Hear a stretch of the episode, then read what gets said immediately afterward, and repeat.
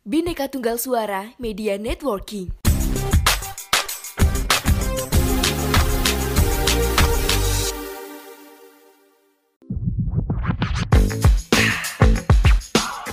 Halo listener, percaya atau tidak bahwa dalam kehidupan, semakin kita dewasa, kita akan sering melakukan kegiatan meneliti. Kuncinya adalah sering muncul di kepala kita pertanyaan tentang why, kenapa? Seperti kenapa ada malam dan siang, kenapa ada hujan, kenapa manusia dilahirkan, kenapa dulu ada dinosaurus, kenapa bumi datar, eh, bulat. Nah, semua itu akan mendorong kita untuk mencari tahu jawabannya bukan?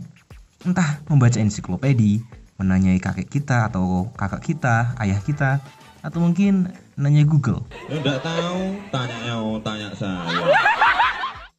Semua itu dinamakan dengan sumber dalam sebuah penelitian.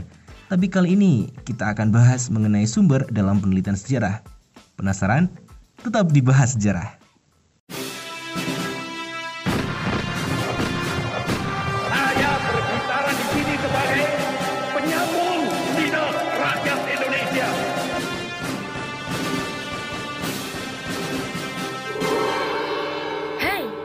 Terima kasih sudah memilih mendengarkan kami, Poseidon. Podcast yang bikin kalian gagal move on.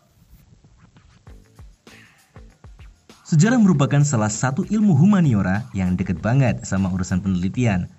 Menurut Ruslan Abdul Ghani dalam penggunaan ilmu sejarah tahun 1963, ilmu sejarah adalah salah satu cabang ilmu pengetahuan yang meneliti dan menyelidiki secara sistematis keseluruhan perkembangan masyarakat serta kemanusiaan pada masa lampau beserta kejadian-kejadiannya. Sumber sejarah dalam penelitian sifatnya adalah sebagai asisten yang ngasih tahu beberapa clue mengenai beberapa hal yang peneliti nggak tahu di masa lalu. Itu gampangnya. Dengan adanya sumber sejarah, sejarawan akan lebih mudah mencari tahu tentang masa lalu dan membuatnya menjadi historiografi atau penulisan sejarah yang menarik. Oke, kali ini kita masuk tentang pembagian sumber-sumber sejarah. Yang pertama, sumber sejarah menurut sifatnya. Sumber sejarah primer. Sumber primer yaitu kesaksian dari seorang saksi yang menyaksikan peristiwa dengan indera yang dimilikinya secara langsung, baik mata atau indera lainnya. Jadi, bukan kata si dia, si dia, atau si dia ya.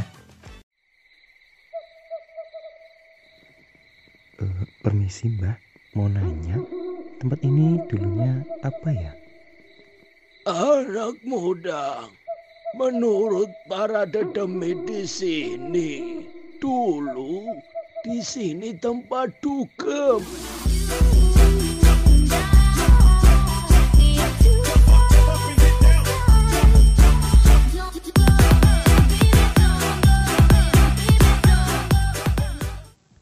Sumber primer juga bisa berupa alat mekanis, dokumen-dokumen, naskah perjanjian, arsip, dan surat kabar. Dikarenakan sumber primer ini berasal dari tulisan, lisan, dan audiovisual yang satu zaman dengan peristiwa, maka sudah tentu penulisnya atau pembuatnya harus juga sezaman. Namun yang terpenting di sini adalah sebenarnya konteksnya dari sumber tersebut. Walaupun sumber ini nanti kemudian duplikasi, yang penting kontennya atau sumbernya adalah asli dari peristiwa sezaman. Apakah Google Assistant itu bisa jadi sumber primer, Pak Sabit? Apakah Google Assistant itu bisa disebut sebagai sumber primer? Kita harus bisa mengetahui terlebih dahulu apa itu sumber primer. Jadi, sumber primer itu adalah rekaman langsung atas suatu peristiwa. Nah, rekaman langsung itu bisa dalam bentuk memori seseorang, sehingga seseorang itu yang menjadi saksi dari suatu peristiwa bisa disebut sebagai sumber primer ataupun juga dari rekaman-rekaman dalam bentuk kebendaan atau dokumen. Nah, dalam pengertian ini maka Google Assistant itu tidak bisa kita sebut sebagai sumber primer. Namun untuk memudahkan saja bagi kita dalam menelusuri apa itu sumber primer. Yang kedua adalah sumber sejarah sekunder. Sumber sekunder merupakan kesaksian dari orang yang tidak secara langsung terlibat atau hadir pada peristiwa yang disaksikan atau dikisahkan. Sumber tangan kedua ini bisa berwujud tulisan, lisan, audiovisual yang tidak sezaman dengan peristiwa, dan lain-lain. Sumber-sumber sekunder diproduksi beberapa saat setelah peristiwa sejarah terjadi. Seringnya ditulis oleh sejarawan atau sarjana terlatih yang memahami periode waktu dan peradaban yang dimaksud. Buku sejarah biasanya membahas seseorang, peristiwa, atau topik sejarah lainnya. Tidak seperti sumber primer, sumber sekunder tidak memberikan bukti langsung. Sumber sekunder memberikan informasi yang telah dianalisa atau ditafsirkan dalam beberapa cara. Sumber sekunder sering menganalisis informasi yang telah dikumpulkan dari berbagai sumber primer. Dengan demikian, sumber sekunder yang baik menggunakan sumber primer sebagai bukti. Para sarjana akan menghabiskan banyak waktu dengan sumber-sumber sekunder seperti halnya dengan sumber-sumber primer. Yang kedua, sumber sejarah berdasarkan bentuknya. Yang pertama, sumber tertulis. Sumber sejarah tertulis adalah berbagai sumber sejarah yang didapatkan dari peninggalan-peninggalan tertulis. Contohnya banyak banget, seperti koran, majalah, not outline rapat, pertemuan, surat nikah, kwitansi, surat mantan. Itu juga termasuk. Engkau di sana, aku di sini, meski hatiku memilihmu. Yang kedua, sumber lisan. Sumber lisan diperoleh melalui wawancara atau penuturan lisan dari pelaku, saksi sejarah, atau orang-orang yang berada di dalam masa-masa yang sedang diteliti. Dalam sumber lisan ini juga akan diperoleh suasana emosi pelaku sejarah yang bisa memunculkan suasana kelampauan untuk meneliti. Pemakaian sumber lisan harus dibarengi dengan sumber tertulis sebagai penunjang. Kenapa?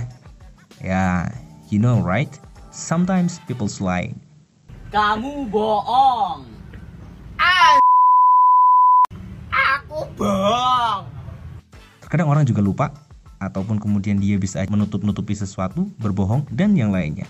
Itulah kenapa sumber primer atau sumber tertulis penting banget untuk ngedampingin sumber lisan ini. Jika kita menggunakan rekonstruksi yang sudah pernah dibangun oleh sejarawan atau peneliti terdahulu, maka itu sering disebut sebagai sumber sekunder. Agar sumber itu bisa benar-benar terpercaya, maka kita harus memvalidasi sumber itu. Yang pertama kali harus kita lakukan adalah mengecek keaslian. Apakah memang sumber-sumber itu berasal dari periode ketika peristiwa itu terjadi? Caranya bisa dengan melihat struktur fisiknya, kemudian komposisi kimiawinya, kemudian gaya bahasa, kemudian tulisan dan sebagainya. Setelah yakin bahwa sumber itu asli, selanjutnya kita mengecek kebenaran isi dari sumber itu apakah pesan yang terkandung dalam sumber itu memang layak untuk bisa dipercaya.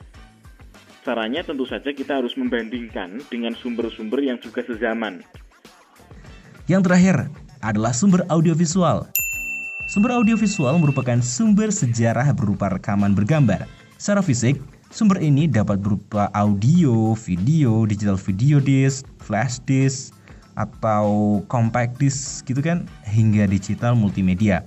Saat ini banyak banget ditemui sumber berupa audiovisual yang menggabungkan gambar, video, dan atau suara.